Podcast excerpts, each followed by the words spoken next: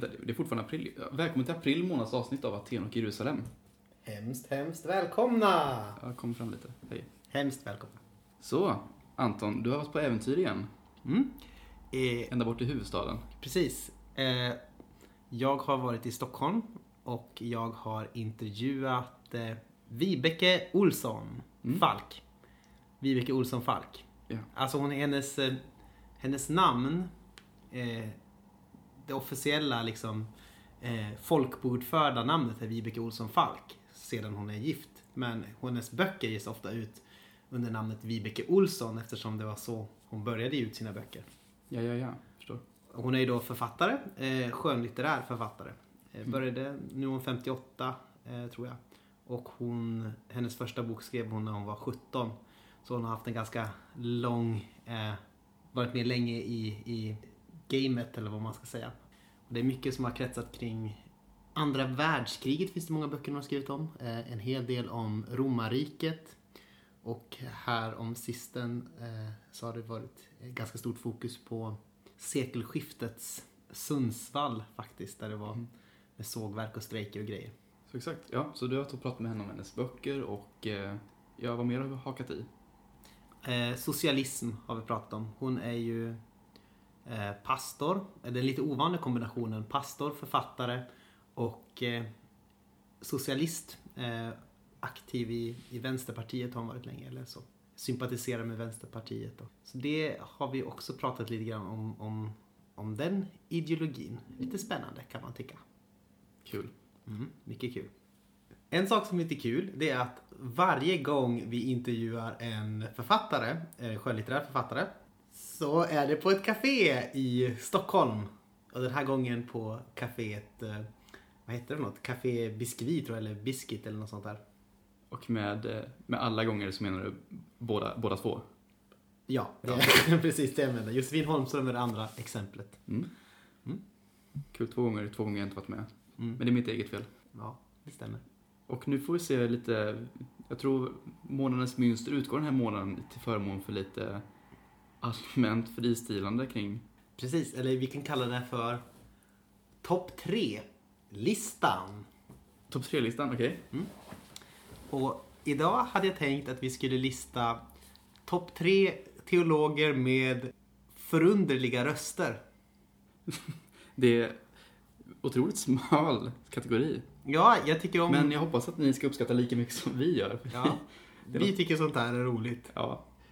Vi, testar, vi ser ifall det flyger. Eh, vem, men okej, vi börjar från botten då. Plats nummer tre. Där har vi Stanley Hauerwas. Åh, klassiskt. Eh, vänta, vi, vi bara rullar klippet nu. Ja, så. gör vi. Nu får ni höra lite hur det låter när han pratar. a life is set aside to do nothing but read books. I mean, what a wonderful, wonderful gift that is that someone thinks it's all right for you to do nothing but to read books and to help people read the books you've been reading. My first teaching job was at Augustana College in Rock Island, Illinois, where I was being let go. I thought at the time, well, the hell with it, I'll go back and lay brick. I like that. Of, of course, you can't lay brick uh, your whole life because it just wears your body out. But it always was a kind of safety valve that made it possible for me to think, well, if this stuff falls through, there's something I can do that people need. I can lay brick. You know, when you lay brick, um, um, uh, at the end of the day, you can kind of get off the scaffold, look at look at the wall, and think that looks pretty good, and there's a real satisfaction in that there's never that kind of satisfaction in uh, being an academic. You just you just don't have that kind of completeness. Det jag tycker är lite roligt med Stanley Hauerwas, det är dels, eh, han, han är ju känd, i det här eh, klippet så svär han inte så mycket, men det är han känd för i vanliga fall att han är en väldigt, att han har ett väldigt mustigt språk. Ja. Och dessutom så ligger det ganska bra för han har ju sån liten, han har ju en väldigt nasal, nasal eh, eh, röst som liksom låter lite lätt gubbig och irriterad. ja. Och, eh, och, och, Distinkt. och, och väldigt så här och så, så, så han liksom när han skrattar så blir det liksom någon så här det konstiga biljud kan jag tycka som är lite charmigt. Ja, för kanske kan jag poängtera innan vi går vidare att det här är ju bara gjort med all kärlek i världen. Ja, precis. Alltså Stanley Hauerwas är ju kanske några, en av våra favoritteologer. Och han är, han är ju... Man kanske ska presentera Stanley Hauerwas också nu när vi har presenterat hans röst. Ja. Han är ju en eh, teolog som har varit, som är verksam nu vid Duke University. Jag tror han fortfarande har någon sorts tjänst där, om det inte är en emeritus, emer- emeritusposition bara.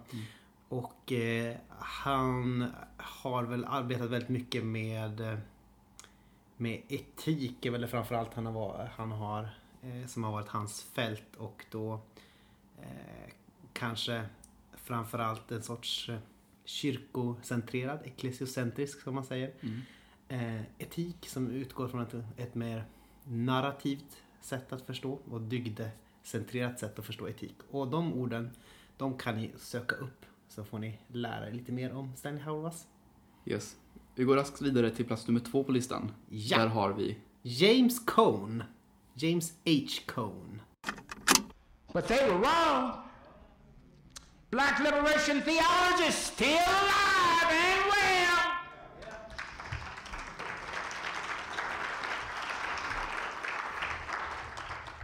Now, the cross and the lynching tree is my latest witness to the blood dripping down through the leaves pain so old and deep and black and particular. By far, the cross and the lynching tree is the most agonizing book I have written. Wow, alltså det finns, det finns så mycket att säga om den här rösten. Ja, alltså den... För, jag vet inte, det, nu, nu går ju inte det riktigt att se här. För det här är bara ljud. Nej men det, alltså han är, har ju en otroligt vän framtoning. Han, står ju där, det är en gammal man. Lite såhär lätt framböjd. Men eh, gastar som en, jag vet inte vad. Alltså det är ju... Det, det pikar ju i varenda ord han säger i princip så. Det slår ju liksom över. Och, och det är ju Och så fascinerande. skarpa svängar. Ja, verkligen skarpa svängar och väldigt så här. Alltså, där har vi också en sorts... Jag, jag pratar med ganska nasal röst själv ofta. Och, och han, ja, mm. ja, han gör ju det också alltså extremt så här uppe i näsan och jättehögt. Liksom, så där är typ Stanley Hauerwas tagen till sin spets typ, tänker jag. Så det här är varför han placerar sig över Hauerwas Ja, precis. Hauerwas, Hauerwas är lite småmysig, men det här är liksom... BAM! Slår in dörrar på något sätt. Verkligen så. Men dock, vi är båda så inne i väldigt frikyrkliga så att det här med gastande predikanter eller i det här fallet teologer är ju inte, heller, inte egentligen särskilt ovanligt för oss. Nej, det, det, Men eh, det står ändå ut, det gjorde det. Ja, absolut. Det här är nog... Jag tror inte... Det var länge sedan jag hörde någon röst som var så här intensiv. Men det här är ju då... Jag kan ju presentera det. Eh, James Cone eh, är ju en teolog som har sysslat väldigt mycket med... Jag antar att man säger på svenska svart befrielseteologi. Alltså Black Liberation Theology. Eh, och där boken som man pratar om, The Cross and the Lynching Tree, så, överse- så jämför han då ehm, eh, korset där Jesus korsfästs med eh, träden där svarta lynchades eh, under eh, 1900-talets tidigare hälft. Så det är ju eh, det är lite det som, som han sysslar med. Yes. Och Intressant person. mycket. Och eh, relativt ny bekantskap för min del. Mm. Men eh, yes, då är vi framme på plats nummer ett av vår topp tre-lista av, eh, vad sa vi nu? För, Teologer med, vad var det, extraordinära, eh, ja, du sa inte, ja skitsamma. med larger than lifeiga röster. Yes. Och på plats ett har vi, Karl Barth. ja! is God in the history of his deeds.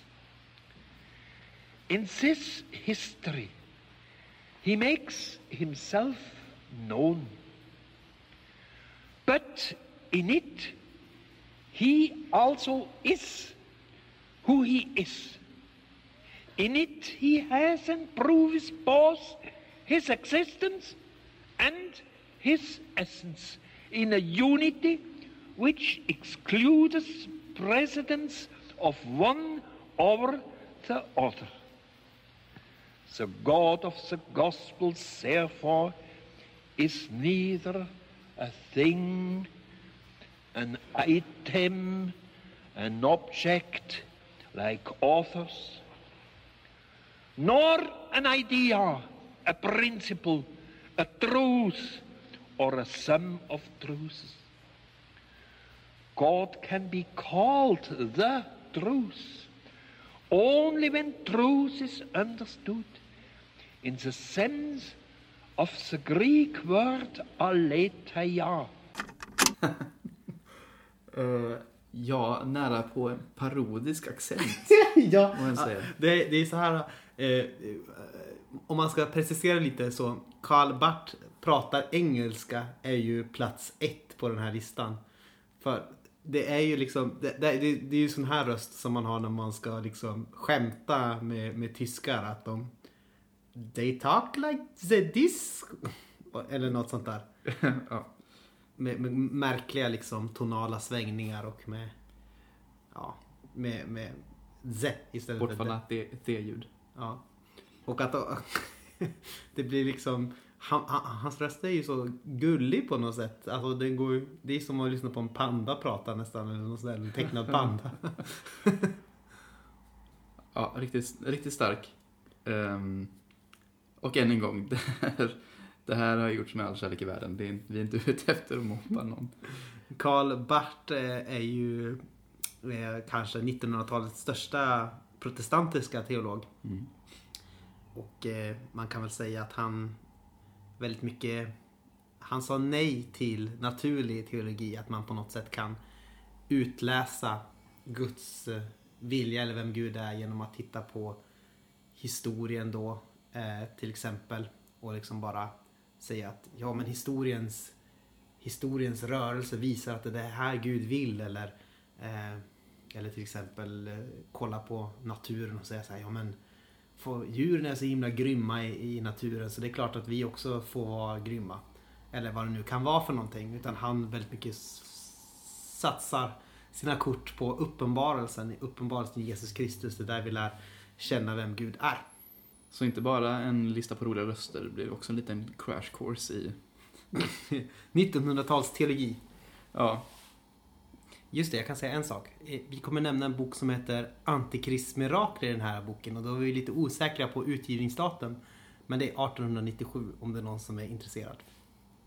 viktigt. Vi tar med oss det. Jag, skri- jag skriver i avsnittsbeskrivningen så att ingen missar det här.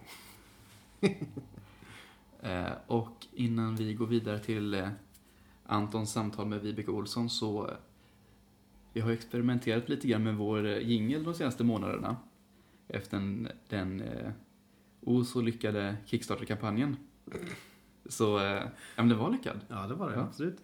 Eh, så nu är vi framme på den fjärde och sista glada donatorn som har fått eh, eh, välja hur vi ska modifiera vår jingel. Så den här månadens jingel tillägnas Hulda Fafmi som har ja, bett oss lägga på eh, vad som kallas för blåsljudet från... Flaskor. Ja, Tomma flaskor. ja ni, ni, kommer, ni kommer säkert känna igen eller ja, se vad vi är ute efter.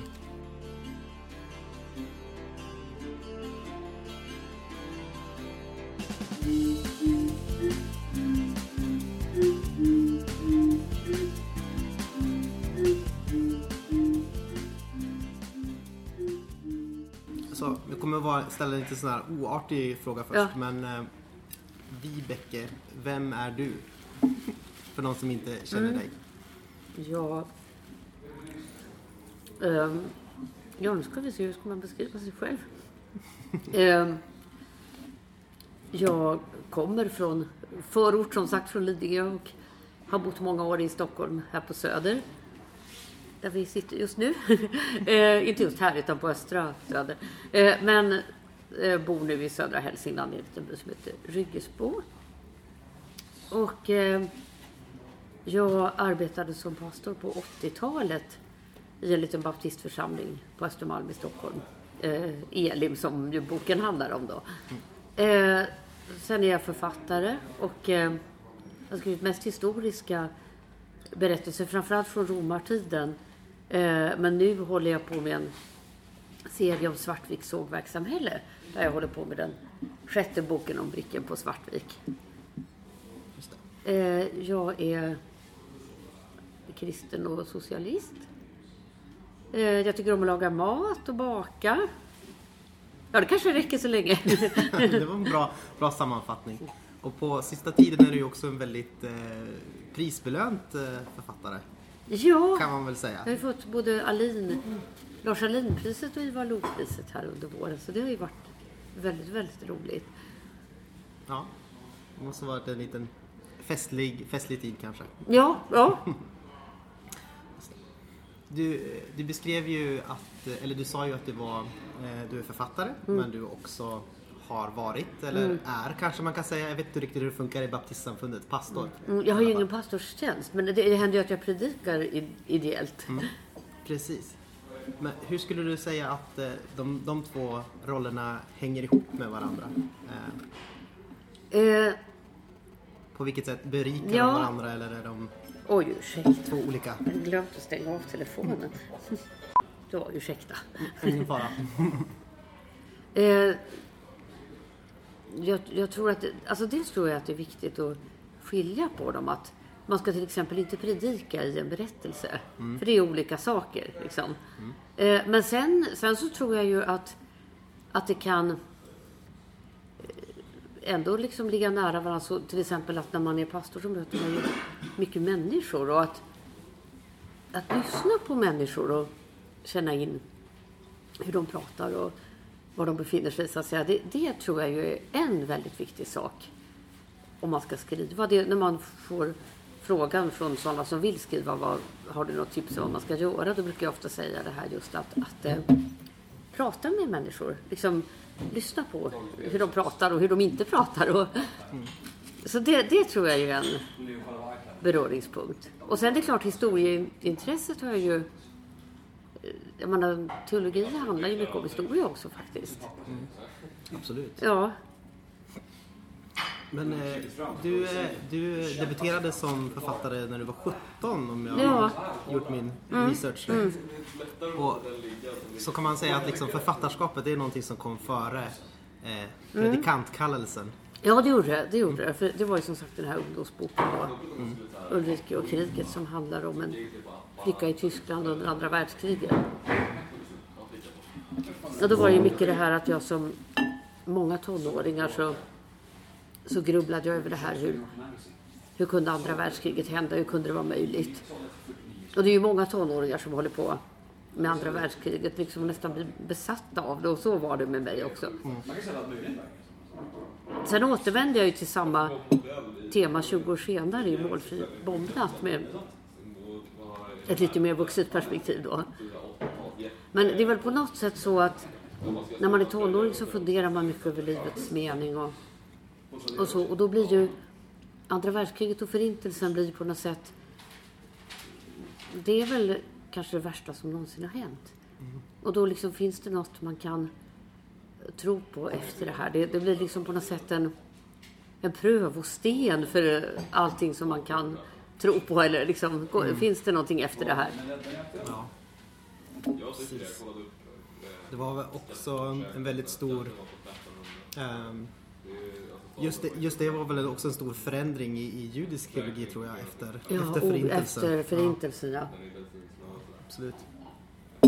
Och det är just att hur, hur man skulle handskas med den judiska tron och gudsbilden. Och,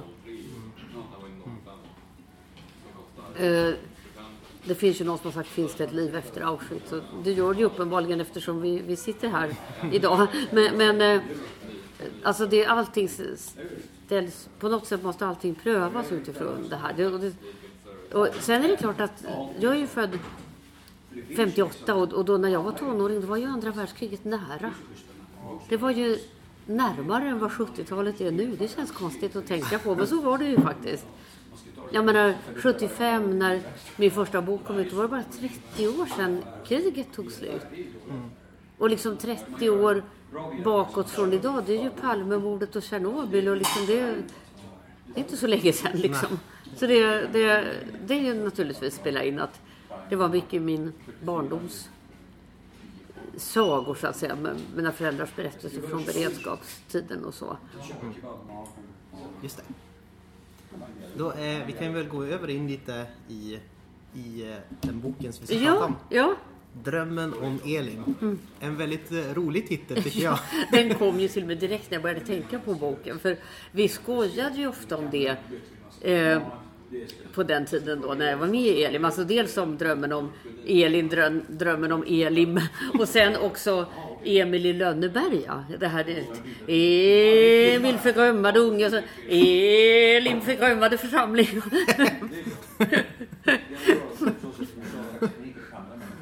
Ja. Så det, det, det låg väldigt nära. Eh, namnet Elim kommer ju från andra Moseboken om platsen där de rastade. Det fanns 12 källor och 70 palmer. Så det är en väldigt, väldigt vacker bild. Alltså de, de slog läger där. Eh, för där, där fanns vatten och palmer. Eh, och det har jag ju tänkt på, själva det bibelordet mycket när när Elim, alltså vår församling, det Elim som vi hade inte fanns längre. Att det var så att vi slog läger där och vi fick dricka så att vi överlevde och sen eh, drog vi vidare i öknen om man ska fortsätta bilden från andra Moseboken. Ja. Jag menar inte att har varit en öken men, men alltså det, det är en väldigt vacker bild att vi vill ju så gärna eller många av oss i alla fall. Man, människor är ju olika. En del är lite mer så här bryta upp och nytt. Och, men jag är ju sån att jag vill gärna rota mig och... eh, Ja, alltså, jag hatar avsked och uppbrott. Och, eh, men då, då, då är det väldigt vackert att tänka på den här bilden. att eh, Även det som inte finns kvar längre. Att det var, det var en rastplats som gjorde att man överlevde. Precis, och där, det är ju en bild som återkommer i boken. Det här Ja. att det inte är en slutstation utan en anhalt. Ja, just en anhalt. Ja, ett kapitel heter ju också anhaltat. Ja, och det är, väl, det är väl liksom en av de svåra sakerna i livet överhuvudtaget. Att, ja, det här att eh, när man ska släppa taget om saker och, och när man ska hålla kvar. Och det, det, det finns ju verkligen inga enkla svar. Men i det här fallet var det ju så att ekonomin gjorde att vi blev tvungna att eh, gå samman med en annan församling. Och det var ju bra att det kunde fortsätta som en kyrka men det blev en helt annan församling så att säga. Så att det blev liksom, det blev som ett avsked. Och för de som inte är bekanta med det här så skildrar det ju eh, Elinförsamlingen på Östermalm under 80-talet. Ja. din bok. Eh, och det är ju vid samma tid som du var pastor i den här församlingen. Ja, precis. Och Och det- det, att det blev nu då som jag skrev om det. hade jag egentligen inte tänkt göra det därför att jag tänkte att det ligger mig för nära. Men sen var det ju det här för några år sedan så såldes Elimkyrkan, alltså själva byggnaden, eh, till Zlatan. Som har inrett det till en, en eh, stadsvilla. Eh, och, och det är några år sedan. Men sen förra året tror jag det var så såldes även Trefaldighetskyrkan, metodisternas kyrka på Ja, Östermalm. ja. Och det var på något sätt det som triggade igång det här för mig. Att nu har Östermalm i Stockholm ingen frikyrklig närvaro. Och sen när man vet om man åker på olika ställen i Sverige. Vi pratade ju nyss om eh, Ådalen och så. Det finns ju massor med de här kapellen och missionshusen. Som, Ja, man kan till och med åka på missionshus-safari. och och det, det är ju lite överallt i Sverige så är det så. Och, och då kändes det på något sätt som att jag, jag vill försöka skriva om det här. Eh, fast jag tidigare då har tänkt att det, jag vill inte för det ligger för nära. Men då kändes det plötsligt att jag, jag måste försöka berätta om det här. Ja. Och eftersom det är, det är skrivet eh, ut, samma tid som du var pastor där så, så kan man ju fundera på hur mycket det är som är självbiografiskt i boken. Om man kollar på Andreas så kommer han väl också från Lidingö eh, och är liksom adopterar arbetarrörelsen och tron som sin egen. Så. Ja, Andreas är ju den av gestalterna i boken som ligger närmast mig. Och, och just för att det inte skulle bli en självbiografi så valde jag att att det skulle vara en man. Så att säga. För att jag, jag, jag ville inte att det skulle bli en självbiografi. För jag kände att det här är inte... Det här är liksom inte historien om mig, utan det här är historien om oss alla, det vi som trodde och kämpade. Och det ska inte vara liksom för självbiografiskt. Så att därför så är ju alla de här fyra personerna är ju påhittade. Eh, men de har ju alla lite olika drag av människor som fanns där i verkligheten. Men så jag tror ju att de som var med kan känna igen eh, både vissa personer och repliker och episoder och så. Men det som är viktigt för mig är ju att eh, om man säger den mest självbiografiska romanen jag har skrivit är ju Marmeladprovet som kom ut 94. Och då tänkte jag liksom så här att det gör ingenting om de som var där känner igen. Men däremot så är det viktigt att deras gamla klasskamraters föräldrar ska inte känna igen dem. Eh, Kassörskan på Konsum ska inte känna igen dem. Utan, eh, alltså, man ska inte hänga ut människor. Det, det, det tycker jag tycker det är väldigt, väldigt fel att göra det. Det har ju nästan blivit lite inne nu med de här som hänger ut sina föräldrar i olika tappningar. Jag tycker inte om det. Nej, så att eh, det har ju varit viktigt för mig att inte hänga ut någon. Så därför är det påhittade gestalter. Och sen de här avsnitten emellan då som är i vi-form. De, de är ju liksom att eh, det inte ska vara någon individ som liksom är i centrum eller som är utpekad. Utan liksom en annan form. Och de eh, sektionerna, de, eh, de tycker jag kanske kan eh, vara de starkaste i, i boken när det, när det är skrivet i vi-form. Eh, kan du berätta lite grann om varifrån du fick inspiration Ja, till det greppet? Och Det, det var en bok av Julia Otsuka som heter Vi kom över havet. Och den handlar om japanska kvinnor som kom till USA för att gifta sig med japanska män som redan fanns i USA. Under 20-30-talet framför allt. Och eh, sen blev det ju väldigt dramatiskt när eh, efter Pearl Harbor när USA och Japan kom i krig med varandra och de blev internerade. Och, eh, men det, hela den boken är skriven i vi-form. Och innan jag läste den så hade jag inte trott att det, att det går att skriva så. Men det är en fantastisk bok, Julia Otsukas bok. Och jag blev väldigt tagen av den. Och det är ett par år sedan jag läste den. Men när jag började tänka på att försöka skriva någonting om Elin, då kom det här att det vill jag ha med. Men jag trodde mig inte om att kunna skriva hela boken så som Julia Otsuka gör. Men att då kände jag väl ha det som omkväden, lite som det antika dramats kör som liksom förtydligar och och återupprepar. Och, ja, så det var, det var hon som gav mig inspiration till den formen. Jag hade aldrig stött på det tidigare. När, när jag läste dem så tänkte jag lite grann på en episod eh, som jag hade med en eh, med en, eh, en nyliberal eh, kvinna som jag pratade med. Ja, Och då, och då sa jag någonstans vi måste eller något sånt Mm. där. Och då sa hon jag betackar mig för dina vin. Alltså hon, tycker, hon vill inte använda det här, eh, det här inkluderande språket när hon Hon- inkluderas. Eh, hon vill vara jag bara, eller? ja precis. Me and myself and I, som säger tid, den egotrippade tidsandan. Ja, jaha. Så jag tänkte att det, jag undrade om det kanske var en sån liten kontring mot det i tidsandan. Ja, det, det var det säkert, säga- fast lite mer omedvetet. Ja. Sen kan jag ju hålla med den här nyliberala kvinnan så långt att om man skriver vi, Ja, så är det viktigt att man tänker, vem pratar man om? ja absolut. Därför att eh, till exempel när de säger, ibland kan man ju höra någon som säger vi, vi är så rasistiska i Sverige. Och jag menar, jag betackar mig för det. Jag har aldrig varit rasist. rasist rasism är det värsta jag vet. Liksom. Eh, att det finns rasistiska strukturer och förtryck, så långt är det ju.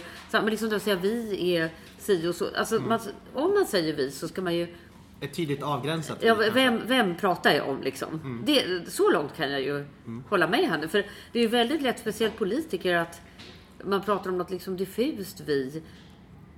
Jag tror Stefan Löfven hade väl något sånt. Vi i Sverige, i, i Sverige hälsar vi i hand. Eller Ja, något sånt ja. Att han Ja. sa. Och då, just där kanske det var faktiskt på sin plats. För att då ville han ju markera. Men, men det, det kanske vi inte ska gå in på just nu. Men, men, men alltså att man, att man, att man, tar, att man är, själv vet vem man menar med vi. Eh, och För att det är ju ofta så att det som ska inkludera alla, det blir väldigt diffust och inkluderar ingen till slut. Utan en tydlig avsändare är väl det är ju som i terapi, att man ska lära sig sända jag-budskapet. Inte säga att du, åh, du, du är så dum, du bara går in med skorna och smutsar ner hallen. Istället för att säga att jag blir ledsen, jag måste städa så mycket för att du går in med skorna. Liksom. Ja,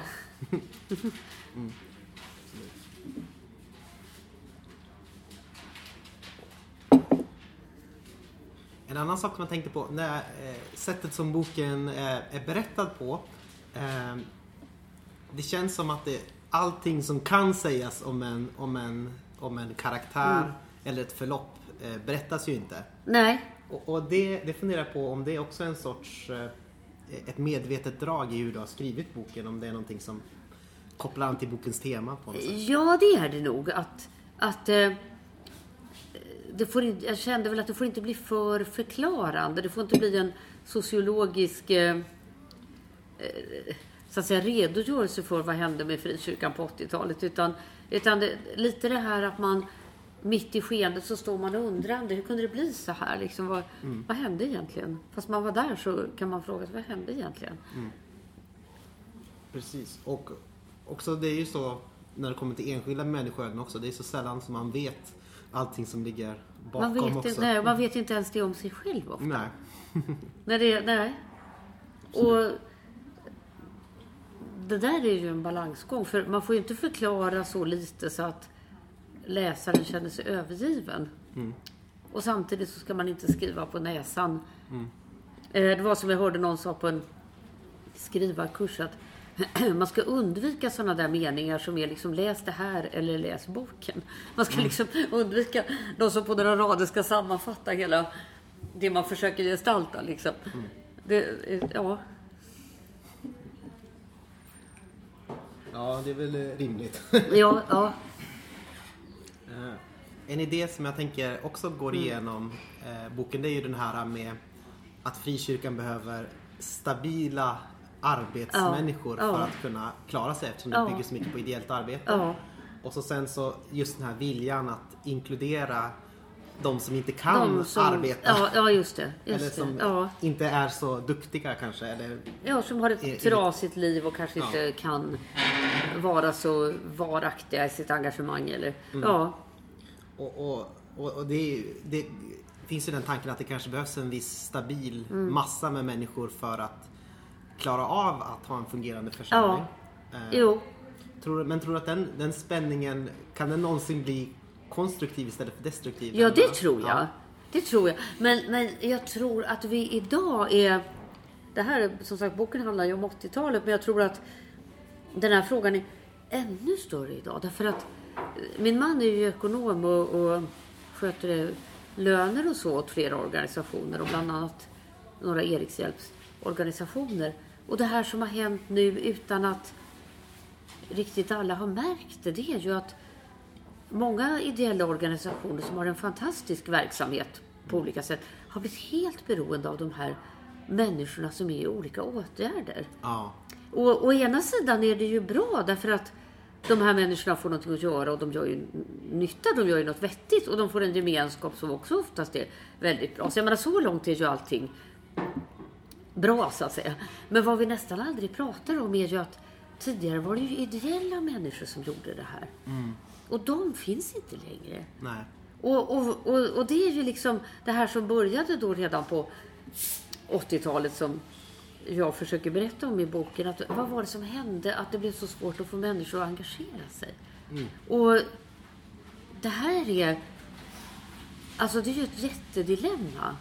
Och det här går ju igen i frikyrkan och ideella biståndsorganisationer och idrottsrörelsen och hyresgästföreningen och alla ideella Ja. Eh, att det, jag menar, vi hade, när vi bodde här på Söder, vi hade en lokal hyresgästförening som var i många år väldigt aktiv. När det var som bäst hade vi matlag och Amnestygrupp och gårdsfester och husfester. Och, eh, och sen gick det till slut inte att hålla liv i den längre. Vi var bara två som ville engagera oss och man måste vara tre för att få till en sån där lokal styrelse.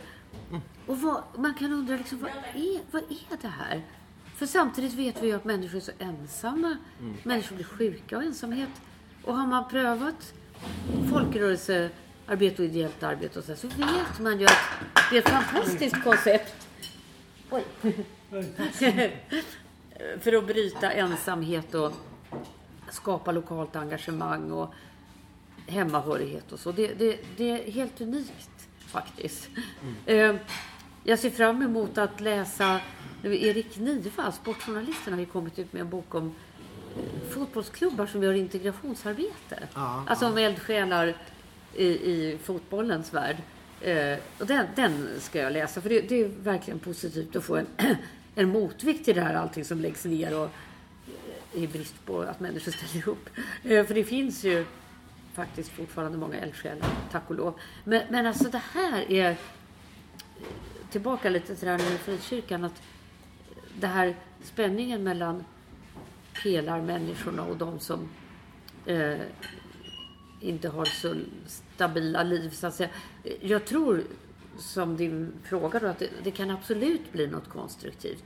Men jag tror att det kräver väldigt tydliga ramar. För att jag tänker på de, det verkar vara så tycker jag, att de som lyckas bäst är de som har en lite mer gammaldags tydlig frikyrkostruktur. Alltså till exempel att du blir döpt och så blir du medlem.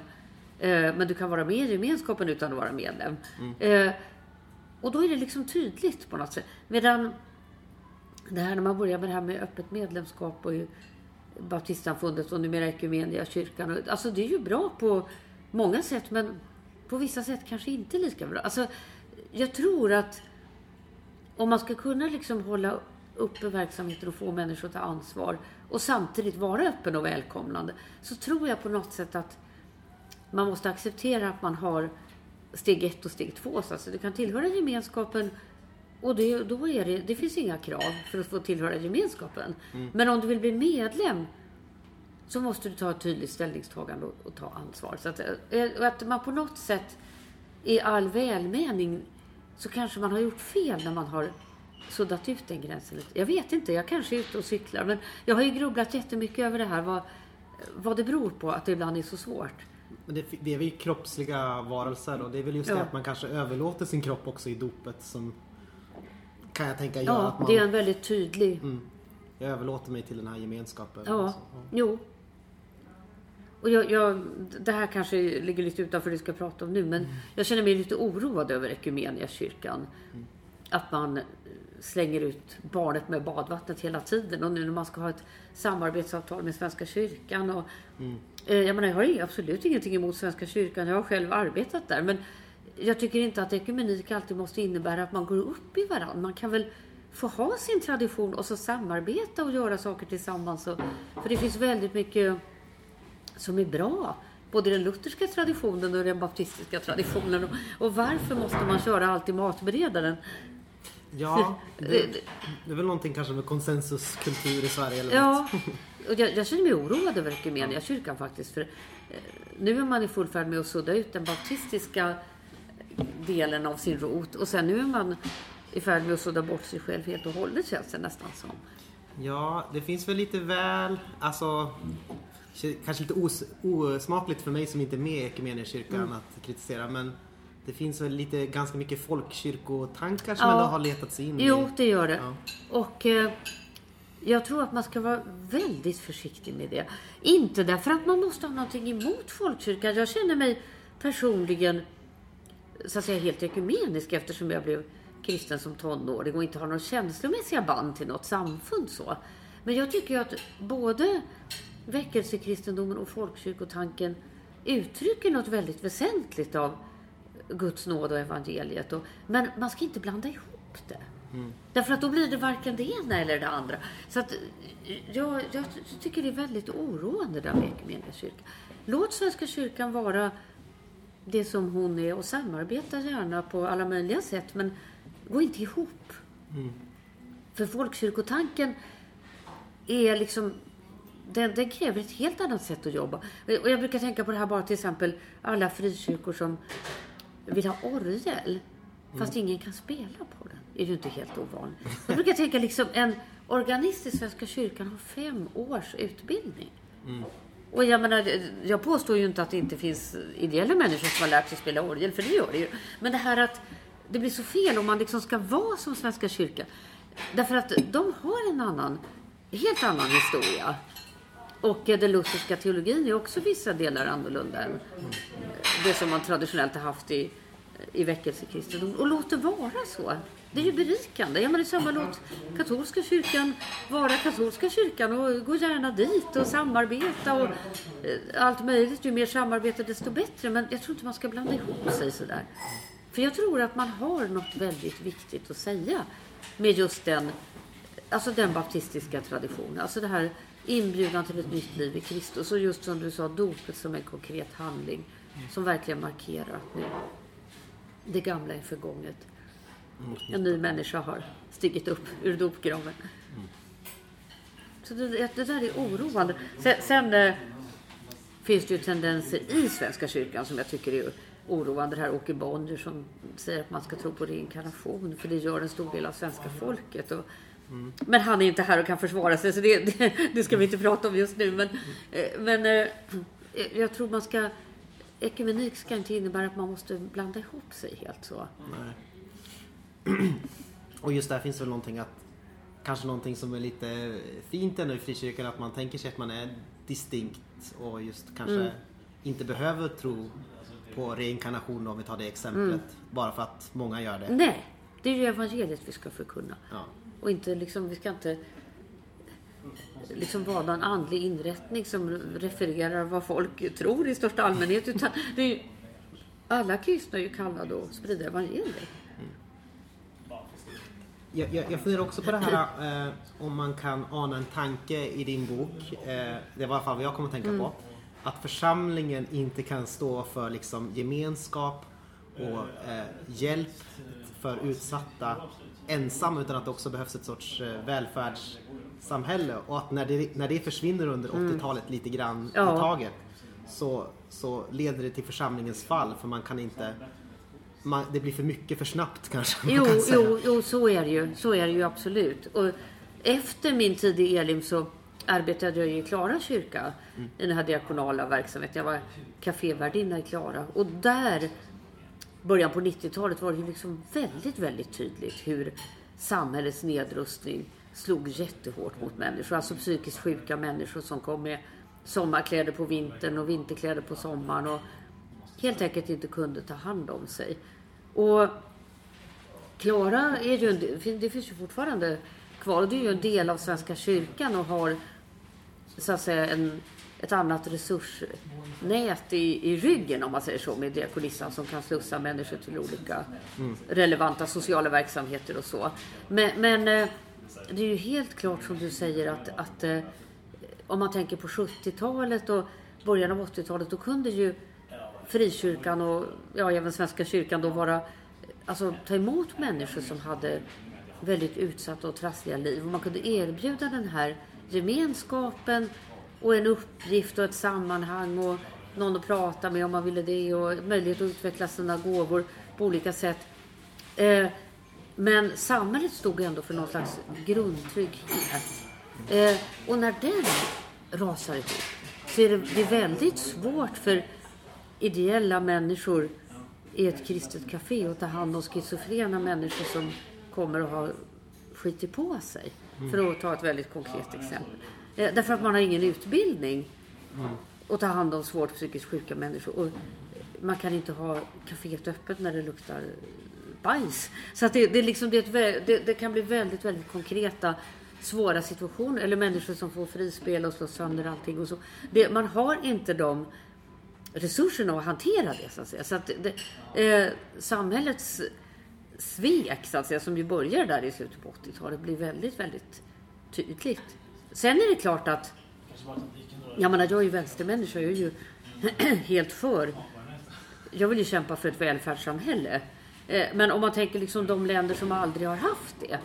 Där har ju naturligtvis kyrkorna hittat andra strategier. Och, jag menar, om man skulle leva i USA eller i Indien och så här, då driver ju kyrkorna både äldreboenden och sjukhus. Och, därför att samhället gör inte det. Och det är klart att det går ju att ha det så. Men vi har ingen sån tradition i Sverige så att säga. För att vi har ändå haft en en välfärdsstat, eller har ju till viss del fortfarande. Men eh, det är klart, om den inte alls fanns, då måste man ju tänka i andra banor. Så jag, jag mötte en pastor som sa att han tyckte det frikyrkan skulle göra idag, bygga äldreboenden. För det är det ju väldigt brist på. Ja, vi, nej men det är väl just det att vi inte har någon tradition som gör det så svårt för oss att, att ställa om det när det väl, när det börjar liksom luckras upp lite. Ja, jo. Nej, men jag, var, jag var faktiskt i, det var i Kristinehamn i Värmland. Så var jag på författarbesök för ett par år sedan. I en frikyrka. Och där har man gjort så att kyrkan ligger ihopbyggd med ett äldreboende.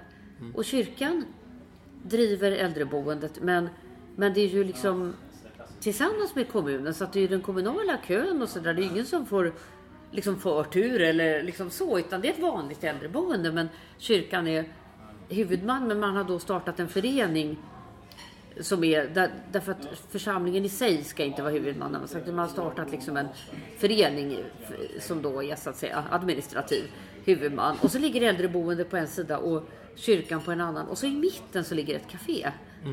Som både de aktiva i kyrkan och, och vem som helst och de boende på äldreboende och personalen kan mötas och fika. Och, så har man lite olika program där och, och så. Och det tyckte jag var, det var väldigt sympatiskt. För det var på något sätt att, att eh, man gör något vettigt och något som behövs. Men samtidigt inte i någon sorts polemik mot den vanliga kommunala omsorgen utan i samarbete med det. Det, och det, alltså det kändes som ett väldigt hoppingivande projekt. Och jag tror lite mera sånt. Och jag menar, det, det, det, kan vara äldreboende, det kan vara, eh, det kan vara andra saker som man, jag menar mötesplats för människor med psykisk ohälsa till exempel. Eller eh, levande verkstäder. Det finns olika saker man kan göra. Personligen känner jag mig lite kritisk till kristna dagis eftersom jag tycker att förskolan och skolan ska vara en av de platser i samhället där alla, där alla kan mötas. Så att säga. Men, men det är en annan sak. Ja.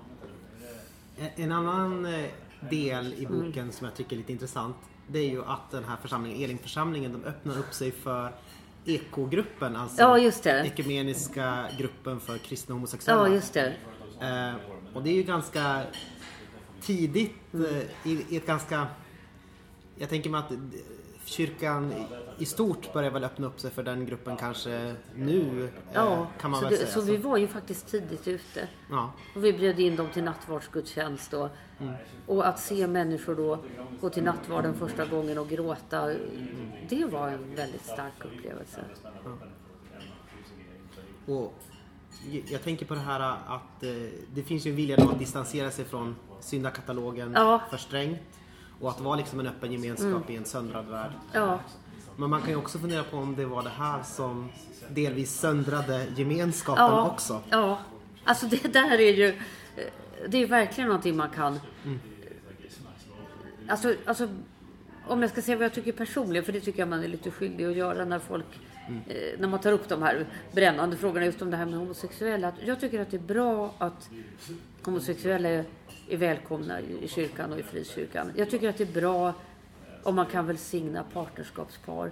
Men däremot så känner jag mig tveksam till det här med att man ska ha liksom samma vigselritual. Därför att jag tror att äktenskapet har liksom en, en eh, teologisk dimension av det här liksom liknelsen av Kristi kärlek till kyrkan och att det ska vara en man och en kvinna. Alltså, jag skulle önska att man hade en könsneutral lagstiftning. Med, och det kunde kallas för livskamratskap. Det är väl ett vackert ord. Eh, och då, det ska vara lika liksom, arv, arvsrätt och alla sådana saker.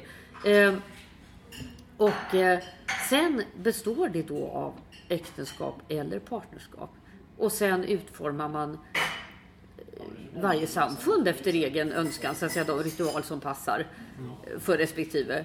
Eh, för att jag, jag tycker att det är lite olyckligt att när man införde det här med partnerskap så skyndade man så snabbt att det sen skulle liksom kallas äktenskap och att det då skulle vara diskriminerande om det inte kallas äktenskap och det tycker inte jag. Jag menar, det, det ska vara samma rättigheter, samma lagstiftning men det är lite olika. Ja, det är lite olika. Alltså, eh, men jag tycker ju att det är synd att många kristna som känner sig tveksamma till det här med samkönade vigslar och så. Det kan jag förstå. Men att man samtidigt inte ser det positiva i att många homosexuella vill lova varandra trohet och vill leva i liksom, stabila kärleksrelationer. Och, och liksom, det tycker jag ju, det är ju något som man från kristen synpunkt liksom verkligen ska välkomna eller uppmuntra. Eller, eh, och det är väldigt sorgligt att det har blivit så infekterat. För nu, nu är det ju ofta så att man är liksom på den ena kanten eller på den andra kanten. Eh, och om någon uttrycker tveksamhet mot homosexuella så kommer det ett världens artilleri eh, beskjutning. Eller tvärtom då, beroende på i vilket sammanhang man befinner sig. Och det tycker jag är väldigt sorgligt. För det är ju människor det handlar om. Och om man ser till bibelordet så måste vi, jag menar Paulus har ju eh, flera fördömande ord om homosexualitet. Men, men då måste vi också komma ihåg att romartiden var ju full av eh, alla möjliga konstiga sexuella förbindelser. Och det var ju ett slavsamhälle och prostitution överallt. Och, så att vad han skulle säga om ett frivilligt jämlikt homosexuellt förhållande, det vet vi faktiskt inte riktigt.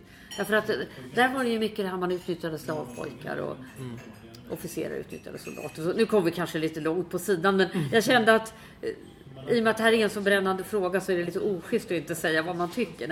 Eh, Men nu tillbaka till det här som du frågade om när man öppnar upp eller lämnar en del gamla syndakatalogsgrejer. Att det kan bli att man just därför tar bort sina väggar och vinden blåser rakt igenom.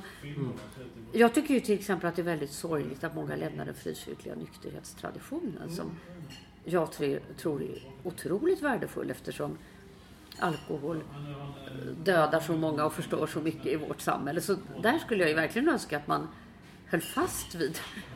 Inte att man ska utesluta människor för att de har tagit en grogg, inte så. Men att man ska visa att vi står för nykterhet. Och sen vad människor gör när de är hemma eller i, i goda vänners lag behöver ju ingen lägga sig så mycket i. Men att man inte har en tydlig liksom, inriktning. Att nykterhet hör ihop med ett kristet liv. Det, så där tycker jag det... Ja, Det men... finns väl en, en, en intressant rörelse där att många blir etiska vegetarianer istället. Ja, och så sen det. så blir man o... eh, Och så sen så struntar man i nykterheten och så. Ja, just det. Just det. Lite intressant för Ja, det- väldigt båda har man väl ser- väldigt etiska aspekter. Ja, va, man ser olika saker men man, så ser man inte det andra liksom. Ja, absolut.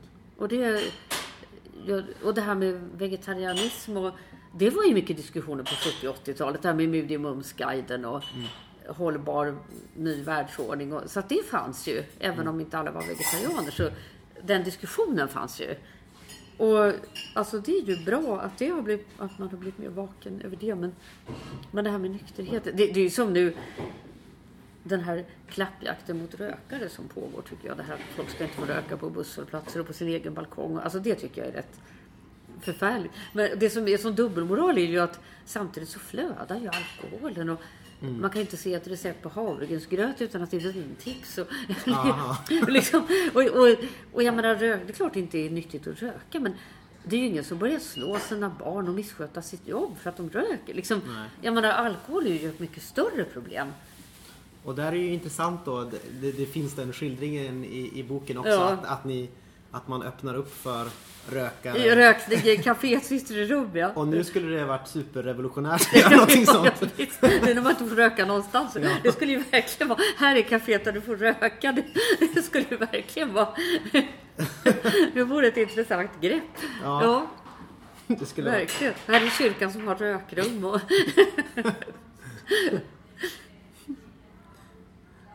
Eh, jag tänkte på någonting som, som du återkommer till också i, i dina böcker. Det är ju hur, hur kyrkan påverkas av olika politiska krafter och ideologier och så. ja, Och du, jag tycker du gör en intressant koppling. Du gör det lite narrativt i Bricken-serien tror jag. Ja. Och, och här gör du det eh, mer i en paragraf. Att Ja, du säger att strängheten till, på 20, som börjar komma i frikyrkan på 20-talet. Så Mm.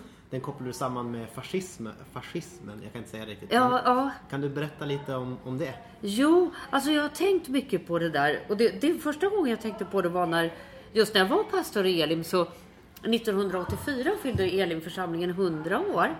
Och eh, då hade vi en studiecirkel om församlingens historia. Och då var det så tydligt att någonstans där kring 1920 så kom en stor, mycket större stränghet. Alltså visserligen var det ju många som blev uteslutna på 1800-talet också för dryckenskap eller sex för äktenskapet och sådär. Men då var det hela tiden det här att de var välkomna tillbaka om de bad om förlåtelse. Och de behövde inte liksom göra avbön inför hela församlingen som man har hört sådana där skräckhistorier på 30-talet utan man tillsatte en kommitté som pratade med de här bröderna och systrarna om de ville komma tillbaka. Och så kom de tillbaka och återupptogs eh, om de ville det så att säga. Medan på 20-30-talet så blev det på något sätt mycket hårdare och man hör de här skräckhistorierna om folk som ska stå i hela församlingen och berätta att de har legat med varandra eller druckit en öl eller vad det nu var de hade gjort. Eh, Och, och då grubblade man mycket över vad, vad berodde det här på? Och då försökte jag fråga äldre människor i församlingen då. Vad, vad var det som hände liksom? Varför blev det så här? Och det som de då sa, alltså det här var ju på 80-talet då. Och de som då hade varit unga på 30-talet och så. De sa att ja, det var så stora väckelser, det kom så många så det var så svårt att hålla ordning på folk så man måste ha eh, lite stränga regler. Alltså det var det de sa. Men jag kände att det kan ju inte vara hela sanningen. För jag menar, det var ju stora väckelser på 1800-talet också. Eh, och då tänkte jag på det här med fascismen. Alltså missförstå mig rätt, jag menar inte att man blev fascist i frikyrkan, absolut inte. Men fascismen tvingade fram på något sätt en brutalisering av hela samhället på något sätt. Va? Att man liksom rättning i leden och man måste veta vem som hör till oss och vem som är utanför. Och, eh, jag är ju med i Vänsterpartiet och, och jag har ju hört äldre människor då från Sveriges kommunistiska parti som det hette på den tiden att det var ju liksom samma där. Att eh, om en den här gränslandet mellan omsorg och kontroll om man säger så. Om en medlem inte hade synts på mötena så gick man dit liksom och frågade varför kommer du inte? Eh, Och ibland var det ju så att de kom inte för de hade inga vinterskor eller, och då startade man en insamling så de fick skor.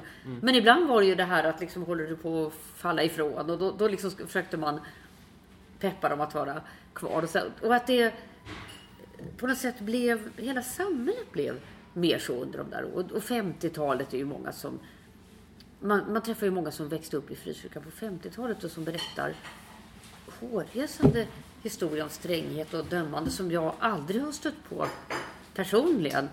Jag blev ju kristen på 70-talet. Eh, och som jag heller inte har stött på när man har läst om 1800-talet utan något, någonting som hände där alltså. Eh, ja, det, och det... Alltså en, en liksom... Att hela samhället blev på något sätt hårdare eller liksom... Sen är det klart att vissa saker kan man ju ibland... Det, det är det som är så spännande med historia, att man kan alltid se saker från olika håll. Och jag tänker på det här förbudet mot att gå på bio. Eh, det kan man ju tycka var väldigt konstigt. Eh, men den som fick mig att förstå det bäst var faktiskt min pappa som inte alls... Jag menar, han var inte alls uppvuxen i någon frikyrklig miljö. Och han var inte frikyrklig, även om han var, tyckte om läsarsånger och var öppen för kristen tro och så. Men han fick mig att förstå just det där med bio. För han växte upp i, i Birkastan i Stockholm och när, när Philadelphia kyrkan byggdes så det var ju väldigt spännande. Och, eh, pojkarna, buspojkarna sprang där och ålade under bänkarna och tittade på tjejerna underifrån och sådär. Men, men här, då var det ju väldigt billigt att gå på bio. Och alla som inte var frikyrkliga gick på bio på onsdagar och lördagar eh, ungefär, för det var väldigt billigt. Eh, men om man var frikyrklig så gick man ju inte på bio då, på 30-talet och 40-talet. Eh, men då sa pappa att folk bodde trångt. Eh, det fanns inga ungdomar som hade egna rum. Eh, man bodde liksom Man bodde visserligen inte 15 personer i en etta som på 1800-talet men man bodde kanske sju personer i en liten tvåa. Eller fyra personer i en etta. Och, eh, och bilar fanns ju, eller bilar fanns ju men jag menar, det var inte många som hade bilar. Eh, och större delen av året är det ju ganska kallt i Sverige. Så att de här ungdomar som eh, prövade att ha sex, var gjorde de det? Jo, längst bak i biosalongen. Där var mörkt. Där var man inomhus. Så att pappa berättade hur han som pojke sprang och plockade kondomer där, där bak i. Och, och det är ingen annan som har... Alltså det är ingen i frikyrkan som har förklarat det här för mig. Utan det var min pappa som berättade liksom hur det var då. När han växte upp här i Stockholm. Och, och liksom, det kastar ju ett nytt ljus över det här frikyrkans stränghet just mot bio. Att, att det var liksom, om det hände så att säga med tonåringar, då var det där det hände. Och, och det kan man ju förstå i en värld utan, utan eh, dagis och utan allt det här. Att, jag menar, man vill skydda tonåringar från att eh, bli gravida. Jag menar, det är ju inget konstigt. Så att eh, ibland är det ju så att de här som vi uppfattar som en konstig stränghet, att det, det finns många gånger en, en förklaring som är ganska lätt att förstå. Och det här, likaså det här oerhört stränga nykterhetskravet. Jag menar, folk höll ju faktiskt på att supa ihjäl sig i Sverige på 1800-talet. Och man, barnen svalt medan papporna satt och drack brännvin. Det var ju faktiskt mycket så. Så det är ju, nykterhetsrörelsen och frikyrkan räddade ju livet på svenska folket. Det är det ju många historiker som säger faktiskt. Eh, Men sen är det ju liksom då en, en grannlaga uppgift idag. Det här hur, vad, man, vilket, vad man ska hålla fast vid och vad man ska öppna sig med för tidsandan. Och det, det, ju, det kräver ju både diskussioner och bibelstudier. Och, eh, och det som jag tycker är synd med det här, apropå det här med homosexuella, att eh, man har blivit så låst för just den här frågan så att vi har ju nästan slutat att prata om familj och, och samliv överhuvudtaget. Alltså det här frågan till exempel, är det okej att vara sambo om man är kristen? Eh, det vågar vi nästan inte prata om. Och likaså det här om man är gift och är en familj och har barn och så här många kärnfamiljer som lever väldigt isolerat och inte släpper in andra. Eller att man tvärtom släpper in andra så att det blir för mycket så man inte orkar. Alltså de här sakerna, det pratade man ju faktiskt mycket om på 70 80-talet och det tycker jag vi har tappat bort lite grann. Alltså att prata om hur vi lever tillsammans och hur inkluderar vi ensamstående jag menar varför kan man inte ha matlag på söndagarna eller vad som, alltså till exempel. Ja. Att det tycker jag vi pratar alldeles för lite om. Jag var på en intressant, det var ett panelsamtal jag var inbjuden till i Uppenbarelsekyrkan i Hägersten. Och då var det tillsammans med en katolsk nunna. Och så var det Maria Sveland. Ja. Eh, hon är ju som jag tycker rabiat i sin feminism och attacker mot kärnfamiljen och så. Men det som var väldigt roligt i det här samtalet var att vi hade ju väldigt olika utgångspunkt. Eh, både den här nunnan och jag stod ju för en kristen tro och Maria Sveland gör ju inte alls det. Men sen hade vi ju väldigt olika liv. Jag menar hon var nunna och jag lever i kärnfamilj och vill leva i kärnfamilj. Men, men det som var intressant var att det vi alla tre var överens om det är att det skulle behövas mer möjligheter till... Alltså idag är det så att det finns nästan ingenting mellan kärnfamilj och ensamhet. Det borde finnas fler kollektivhus av olika slag. Alltså både sådana där man kanske bara äter tillsammans en gång i veckan och sådana där man kanske helt lever tillsammans. Alltså, Det borde byggas mer, alltså både generationsboenden och möjligheter till kollektivt boende. Och, Just, just för de eh, Just för de som är, som är ensamstående kan jag tänka mig att det är extra svårt eftersom det finns så få mellansektorer nu för tiden. precis. Ja. Och, och, och det, det var lite roligt för både nunnan och Ma- Maria Sveland och jag, där var vi verkligen överens. Mm. Att det, det är något som verkligen skulle behövas. Och liksom i olika former. Eh, se, vad ska vi gå nu? Men eh, vi kanske ändå kan säga det. Vilka, vilka politiska krafter är det som verkar? Om, om vi tar, det var fascism eh, på 20-talet. Vad, vad är det för någonting som är, liksom genomströmmar boken eh, Drömmen om Elim? Vilka politiska krafter är det som påverkar där? Ja, du menar som påverkade då eller som påverkade mig när jag skrev den? Nej, som påverkar då kanske man kan säga. Ja, alltså då var vi ju många som kom från 70-talsvänstern. Eh, så att det fanns liksom det här tänkandet att med solidaritet, tredje världen, eh, ny ekonomisk världsordning, att försöka se vilka som betalar priset för att världen ser ut som den gör, både här i Sverige och i andra länder. Att det var någonting som fanns väldigt levande. För att även människor som inte var engagerade i vänstern tog ju ofta till sig det här tänkandet. Ungefär på samma sätt som på 1800-talet när de stora väckelserna drog fram så var det ju många som blev nyktra och skötsamma även om de inte blev bekännande kristna för att man drogs med av den här vågen. Man såg att det här var någonting bra liksom. Och, och på samma sätt tror jag det var med 70-talsvänstern att det påverkade mycket själva tänkandet och tidsandan och också det här att kritiskt granska saker. Vem betalar priset för det här? Och, eh, argumentationsanalys var ju något man övade mycket i 70-talsvänstern och så. Eh, sen kom ju under 80-talet det här nyliberala vågen som jag i boken då liksom symboliserar med det här hörde tjuvlarmet från Art Invest. Ja, precis. Den här butiken Art Invest där liksom man skulle investera i konst och öka sin personliga förmögenhet. Och, och, och det är klart att i ett långt historiskt perspektiv kan man ju se att det här var en motreaktion då mot det här solidaritetstänkandet och, och så. Men sen pågick det ju saker som man kanske inte riktigt visste förrän det var för sent. Där avregleringen av finansmarknaden 1986 som, ju, som vi nu skördar de bittra frukterna av med den här enorma skuldsättningen och upptrissandet av bostadsmarknaden. Och, eh, och eh, det är ju för mig en gåta att socialdemokratin så kunde gå på det här nyliberala konceptet. För att avregleringen av finansmarknaden det skedde ju faktiskt under en socialdemokratisk regering. Och det är helt obegripligt tycker jag. På samma sätt som jag inte kan förstå hur facket kunde gå med på individuell lönesättning. Man undrar liksom, var det någon som slog dem i huvudet och sövde ner dem? Eller? hur, alltså det är så fruktansvärt konstigt.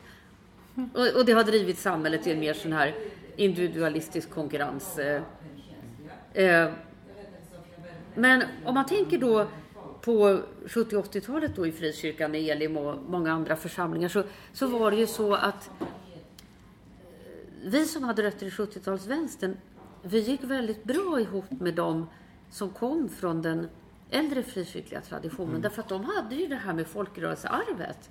Så att det, det passade ihop väldigt bra. Man berikade varandra. Eh, och eh, sen var det ju mycket som slog sönder genom trosrörelsens frammarsch på 80-talet. Och, och nu tänker jag inte på själva budskapet i trosrörelsen, det här med framgång och ständiga bönesvar. Därför att det tror jag ju att eh, det slipas ner om man har lite livserfarenhet. Alltså det, det, Ja, ja, det, ja. det är så tydligt att det inte håller. Det är en ung människas eh, Ja, det blir som i det här Thessalonikerbrevet när folk tappade tron därför att trossyskon dog. Man, hade, liksom, man hade ju trott att Jesus kommer tillbaka innan någon av oss har dött och så börjar folk dö och så måste Paulus skriva och förklara att... Vi, och lite så, jag menar den första cancerdiagnosen liksom, så kan man inte hålla fast vid den här fanatiska Livets Ord. Eh, eh, Men, men så att det är egentligen inte det som jag tänker på som det största problemet utan det är organisationen. Att Livets Ord lämnade den svenska folkrörelse frikyrkotraditionen och blev en stiftelse som ingen har insyn i. Och, eh, Och där kan Det- man ju också se de bittra frukterna nu. Ja, verkligen, verkligen i högsta grad. Eh, och, och, och det tycker jag man har pratat alldeles för lite om. Man har lagt ner väldigt mycket energi på att kritisera deras teologi, vilket man i och för sig, det är jag den första att göra i och för sig. Men, men jag tror att det är inte det som har varit det farligaste i längden. Därför att det har ju funnits sådana rörelser tidigare. Jag menar, det fanns ju rörelser på 1800-talet som sa att Jesus kommer snart och rycker upp oss alla. Och, eh, och så blev det inte så. så eh, ja, eh, och liksom det, sånt där planar ju ut på något sätt. Va? Men, men det här att man organiserade sig som en stiftelse, som ett företag och tog avstånd ifrån den svenska folkrörelsetraditionen. För frikyrkan var ju den första folkrörelsen. Det var den första demokratin i Sverige. Det är en oerhört stolt och värdefull tradition. Långt innan det fanns politisk demokrati så fanns det demokrati i frikyrkan. Och att Livets Ord så att säga så utstuderat sket i detta fantastiska arv och organiserat sig på ett helt annat sätt. Det tycker jag man har pratat alldeles för lite om. Nu kanske de rättar till det eftersom de har fått så bittra frukter de- av det. Jag tror att de är på, på gång i alla fall kanske. Ja, Mm, Små steg. ja. Men man kan ju också tänka att det finns en sorts... Eh, eh, man tappar lite, man pratar mycket om gemenskap men man pratar inte om frälsning. Mm. Nej, boken. precis. Och det tar jag ju upp också i boken. Att, att eh, jag tror att vi, eh, och nu pratar jag om vi som var där i Elim, för jag kan ju inte liksom uttala mig om hur det var eh, generellt på andra ställen. Men jag tror att vi, vi till slut blev det så att vi, alltså vi pratade för mycket om gemenskapen och nådens öppna famn. så att säga, Och för lite om det här att möjligheten att få ett nytt liv i Kristus, att saker kan förändras. Alltså det blev lite som det här, kom som du är och förbli som du är. Och eh, det är ju också det som har varit folkkyrkans dilemma, så att säga, att man då inte erbjuder ett nytt liv i Kristus. Och det här är ju en ständig balansgång mellan nåden som finns gratis. Nåd betyder ju gratis. Sola gratia. Eh, eh, men samtidigt att det finns en möjlighet till ett, att förändra saker. Att det finns ett nytt liv. Och, och det här, den här balansgången är ju eh, väldigt grannlaga. Och jag kan ju se att vi för mycket, så att säga, betonade gemenskapen och för lite helgelsen om man ska använda ett gammaldags ord. Och det representeras ju Simon då kan man Ja, kan, ja, precis. Och därför vill han ju någonting annat och dras mot trosrörelsen. Därför att där utlovar man ju förändring och ja, Skulle du säga att drömmen om Elim är en dröm eh, som behöver dö? Jag tror inte att drömmen behöver dö. Eh, drömmen har jag nog fortfarande kvar, eller nog, jag har det. Alltså, drömmen om gemenskap i en söndrad värld och drömmen om en gemenskap där man kan så att säga både vara välkomnande och kunna förkunna ett radikalt evangelium. Och, och eh, eh, vara radikal utan att bli dömande, vara välkomnande utan att bli slätstruken. Eh, och kunna vara både from och intellektuellt hederlig. Alltså det är ju den gemenskapen man, den möjligheten man längtar efter. Och det tror jag är många troende som gör. Att man liksom, det är ju väldigt ofta så att man liksom i väldigt många sammanhang är det så att antingen blir det som Åke Bonnier då som säger att vi ska tro på reinkarnation eller också blir det det här att vi ska inte göra något åt världen för Jesus kommer snart tillbaka så det bästa vi kan göra är att skynda på eländet. Eh, Alltså nu överdriver jag lite va, men alltså du förstår vad jag menar. Alltså, man hamnar liksom i olika konstiga extrema liberalteologiska eller fundamentalistiska. Eh, och människor längtar ju efter en helhet och en kristen tro som bär i mitt liv.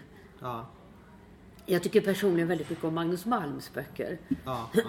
Det senast läste jag ju den här Som om Gud inte finns. Och, alltså han, jag tycker att han fångar verkligen det här med alltså att både förena ett engagemang för världen och eh, politiskt om man nu menar jag inte partipolitiskt då, men alltså, polit, alltså värld, hur världen ser ut och hur människor har det.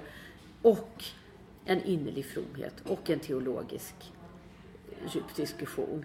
Och samtidigt vara jordnära och vardagsnära. För det, det är på något sätt är det ju det som många av oss längtar efter.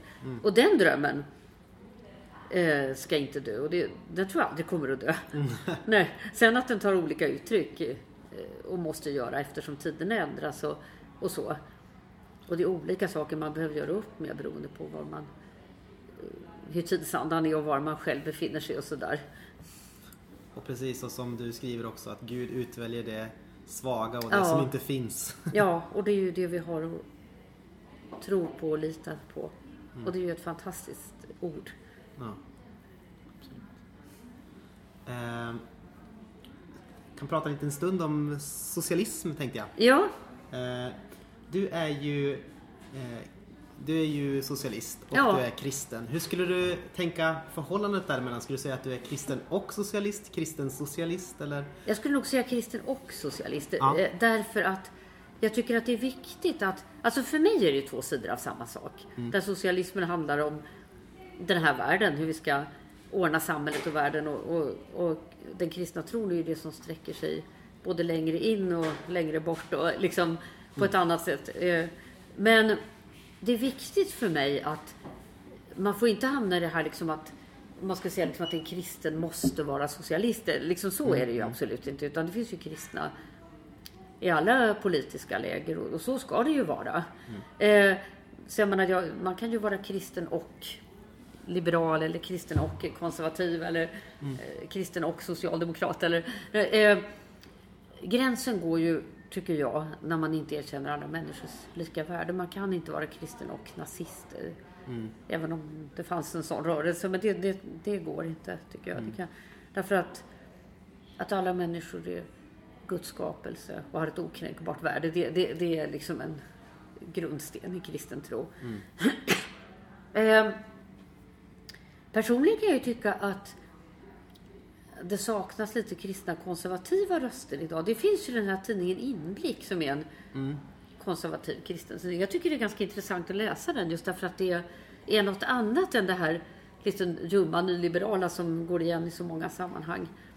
Eh, Joel Halldorf har väl i och för sig någon sorts, eh, ja, någon sorts konservativ... ja, det är han. Han Ja, är lite, ja, ja, det stämmer. Fast inte, inte rabiat Nej, det finns ju några, några skribenter, Christian Brav och eh, jag som liksom står för en lite annan. Eh, men jag blev ju kristen och socialist i samma veva kan man säga i tonåren. Alltså för mig var det två sätt att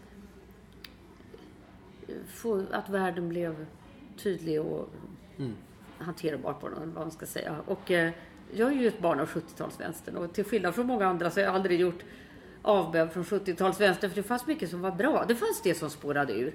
Alltså de som blev så där extrema och satt och hyllade Mao och så här. Men det fanns också mycket som var väldigt bra. Att man lärde sig att ifrågasätta saker och fråga sig vem betalar priset för det här.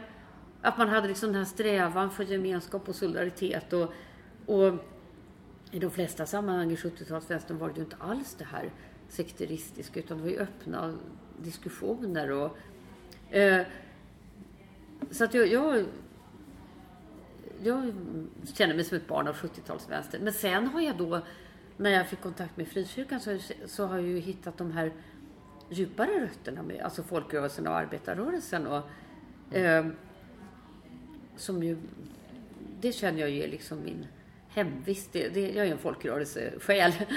Eh, så att för mig är det två sidor av samma sak. Alltså drömmen om rättvisa och rättfärdighet och drömmen om att livet är till för alla.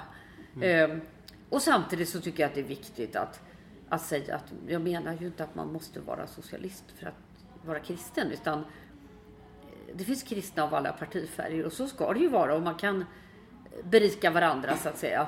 Eh, Men sen om vi ska prata om det här lite mer politiska så tycker jag ju nu att för mig som vänstermänniska så är det väldigt konstigt det här att alltså kapitalismen levererar kris på kris på kris på kris. Det ena värre än det andra.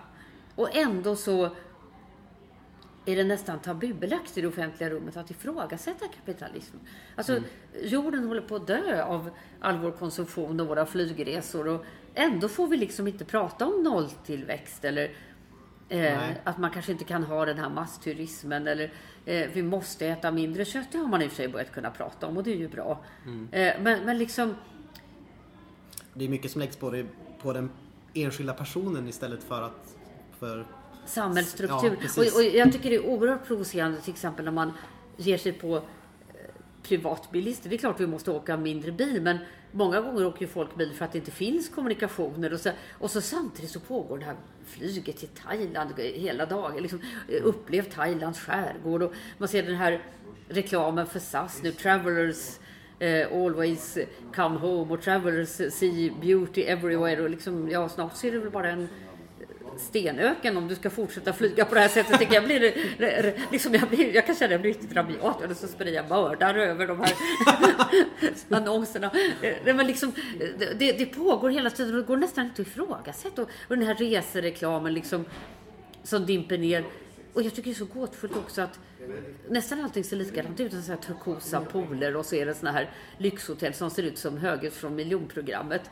Så jag tänker så här liksom att det ser ut som höghus från miljonprogrammet. Liksom. Kan väl, varför ska man åka till Mallorca? Man kan väl åka till Tensta?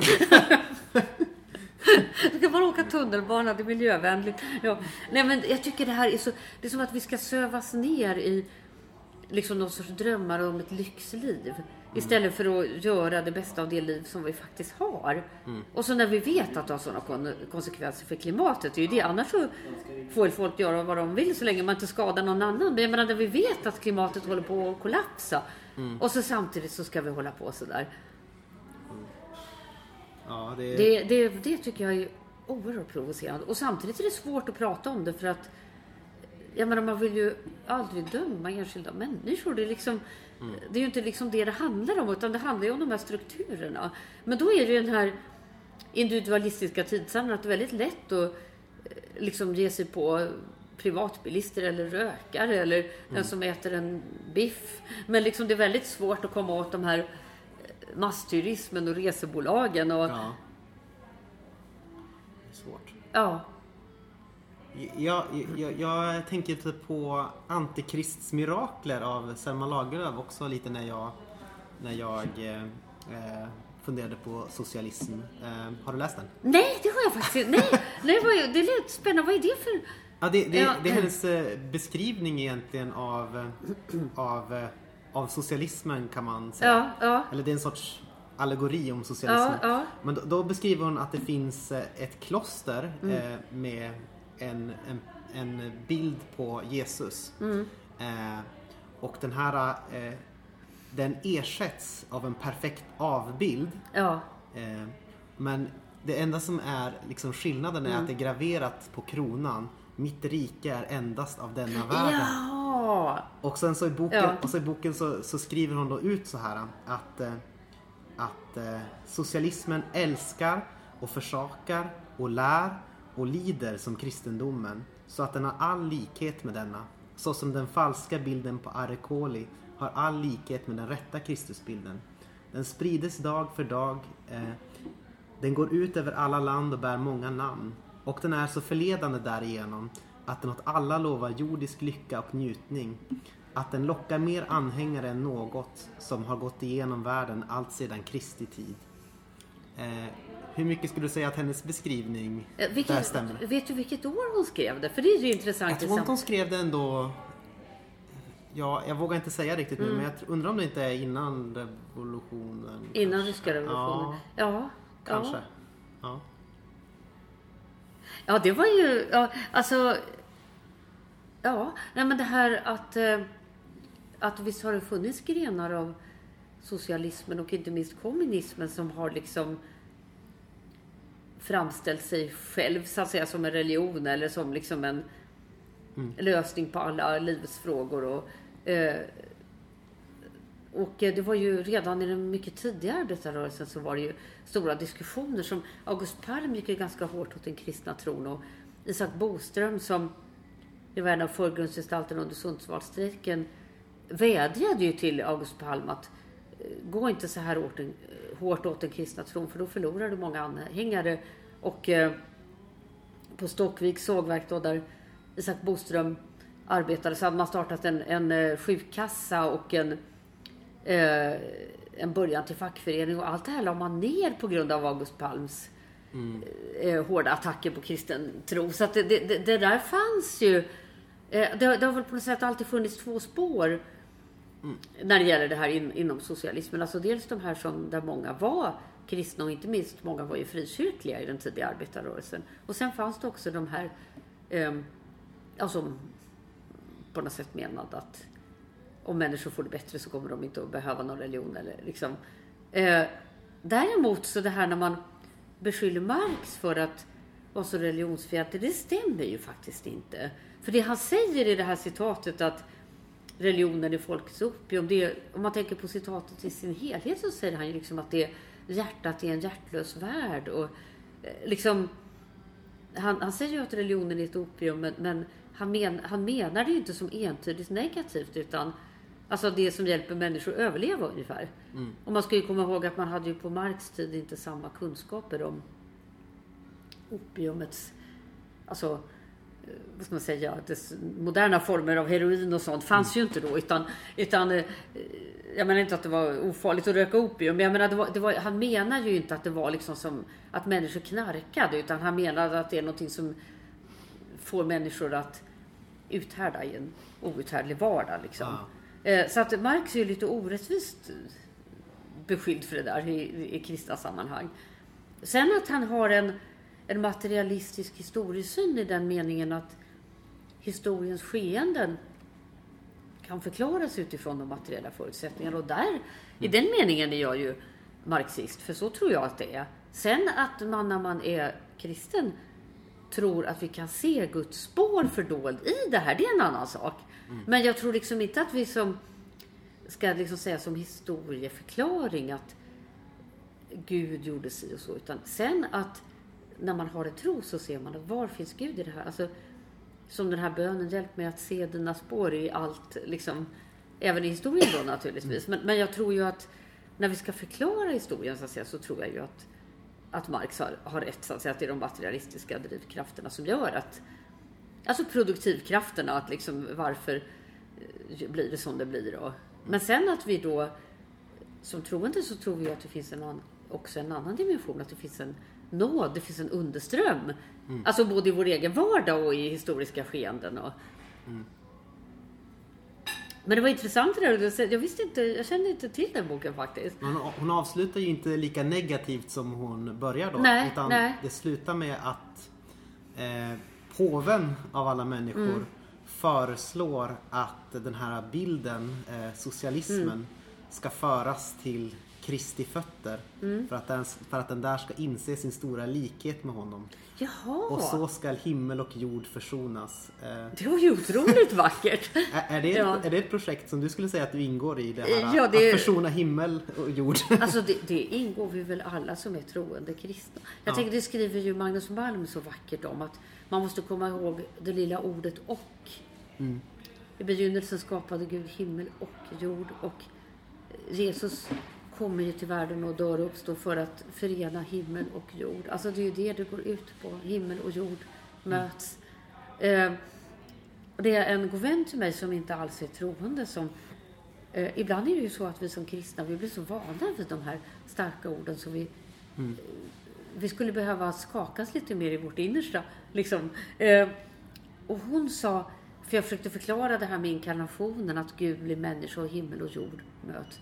Då var hon tyst en lång stund och så sa hon, om ni verkligen tror att himmel och jord möts, då är det inte småpotatis. Hur kan ni då sitta där i kyrkorna och mysa och dricka kaffe?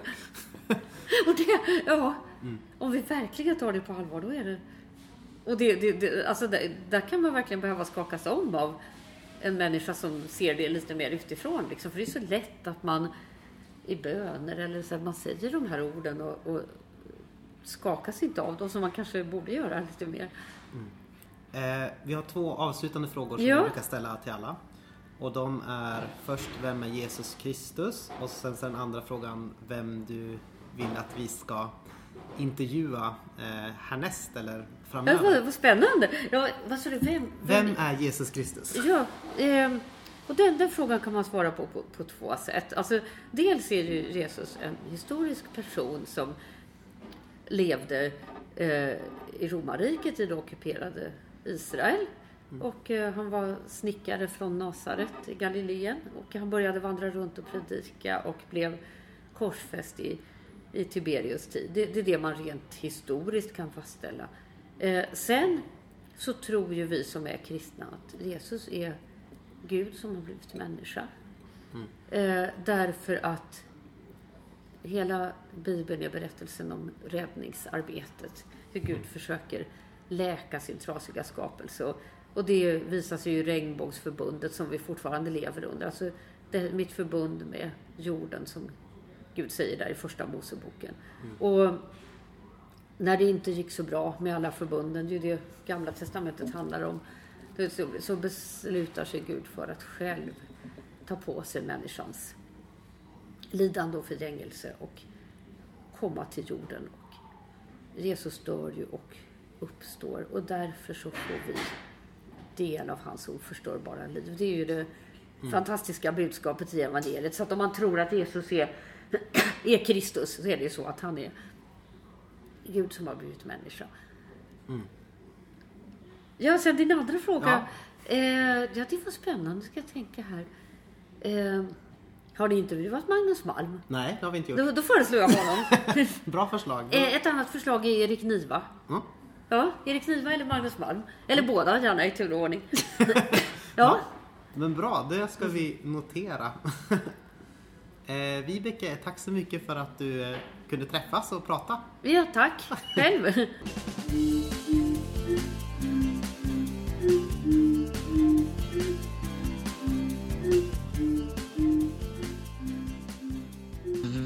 Välkomna till eftersnacket i den här podden, Aten och Jerusalem.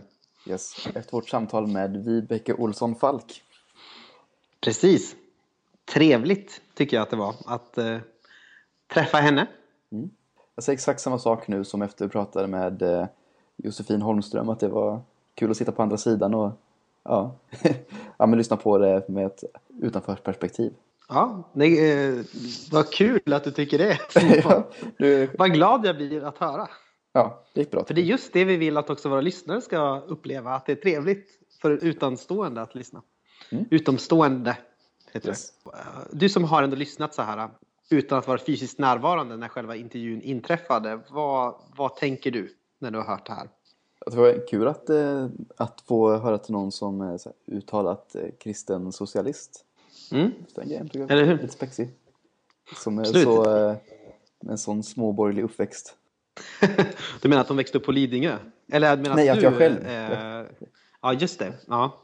Nej, men precis. Jag, eh, man kan väl säga så här att eh, min, farf, min farfar var ju socialdemokrat och broderskapare och sådär. Men eh, min föräldrageneration var ju eh, väldigt eh, borgerliga i, på många sätt. Alltså i hur man tänkte politik. Och eh, för KDS var grejen, liksom, eller är fortfarande grejen till stora delar.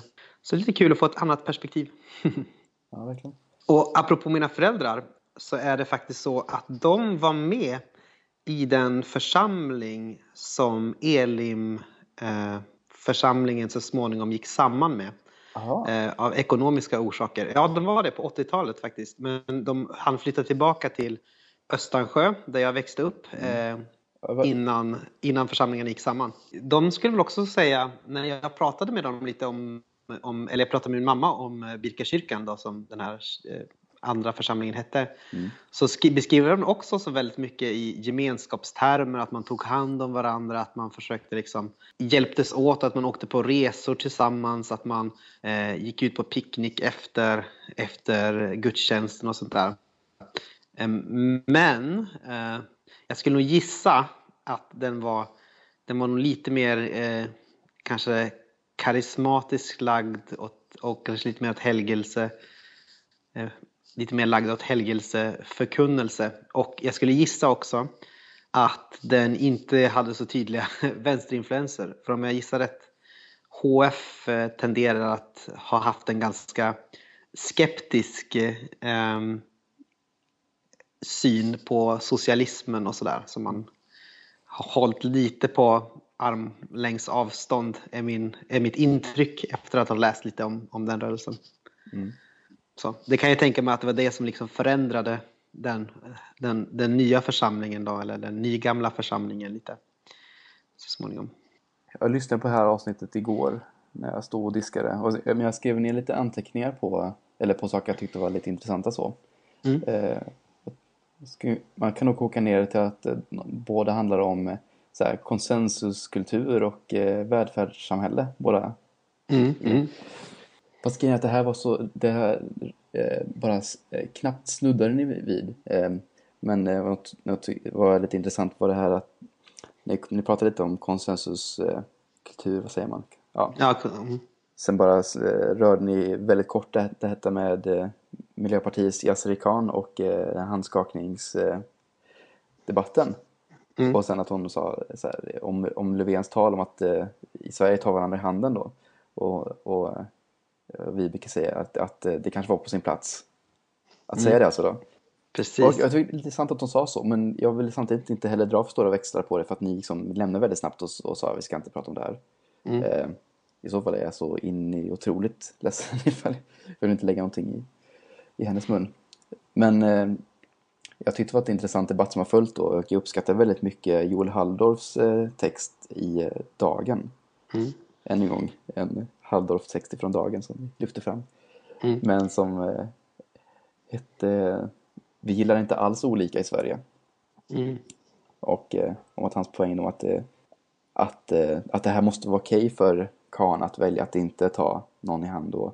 Eh, om vi faktiskt tror på och vill ha mångkultur i Sverige liksom på riktigt och inte bara liksom med avseende på att det är kul med ny exotisk mat. Ja, om, man ska, precis. om man ska vara så här, lite raljerande så.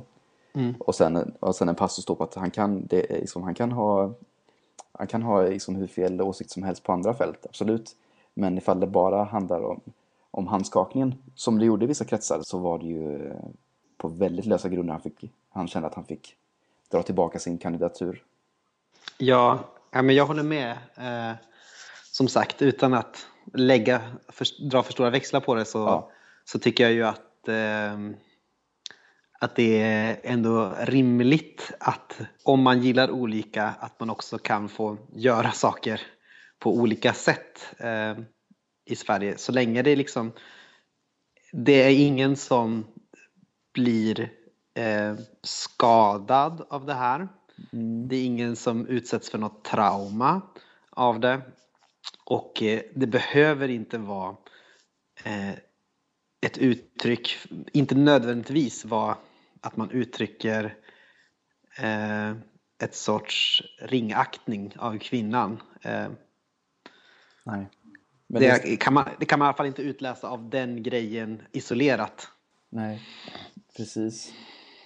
Men det blir samtidigt väldigt svårt att kommunicera tydligen då för att det här blir en sån eh, väldigt tydlig symbolisk grej då. Mm. Man ser på... Jag tänker att man borde kunna lösa det rätt så lätt med bara säga att jag tar inte någon i hand. Jag lägger, jag lägger handen på bröstet och bugar åt alla.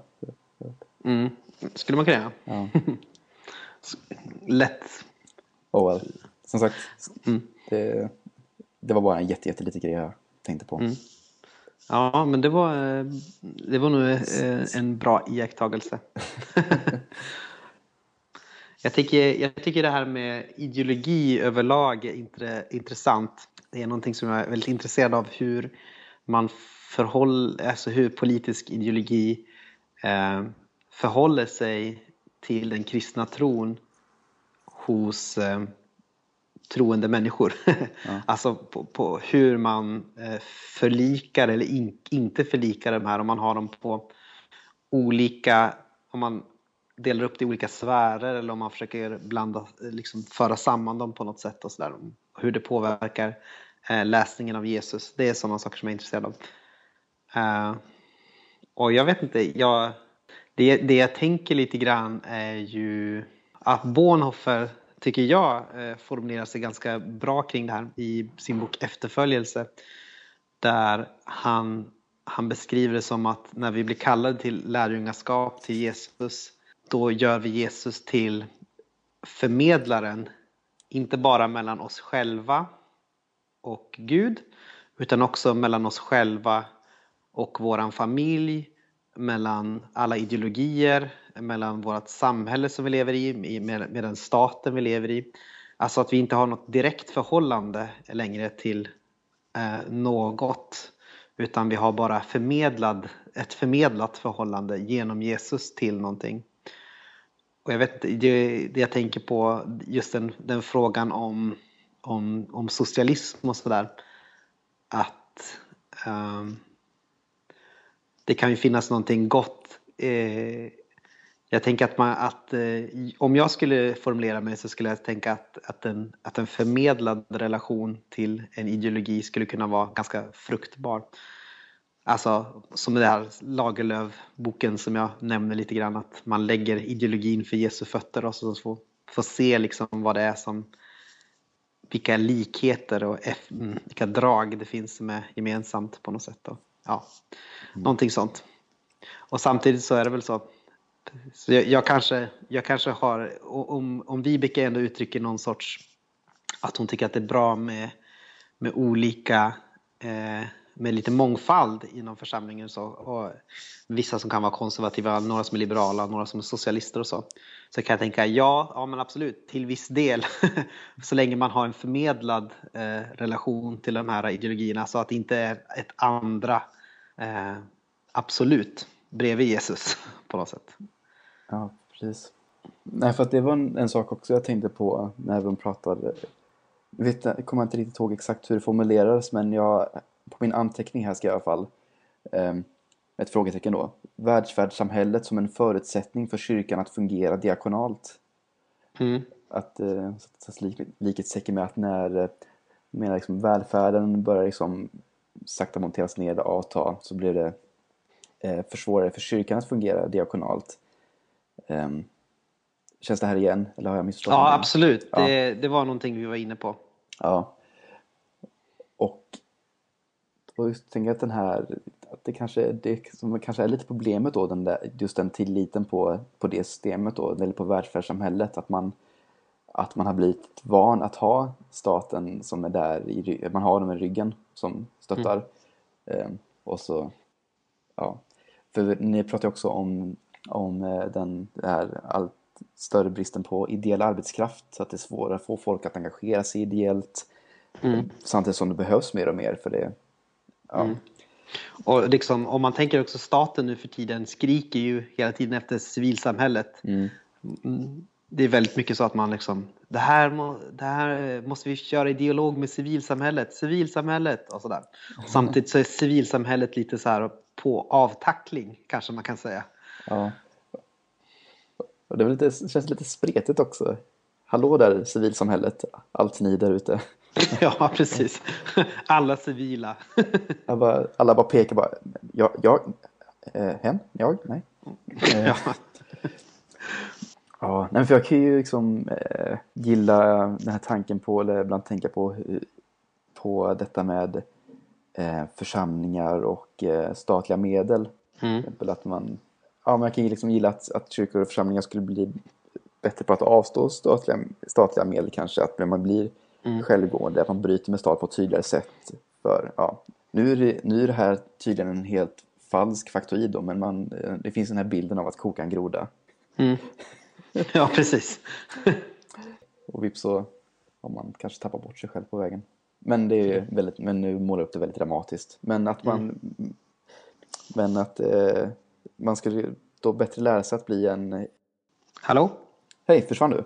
Ja, jag försvann. Jag tyckte något hände här. Ja, det var mitt fel. Ja.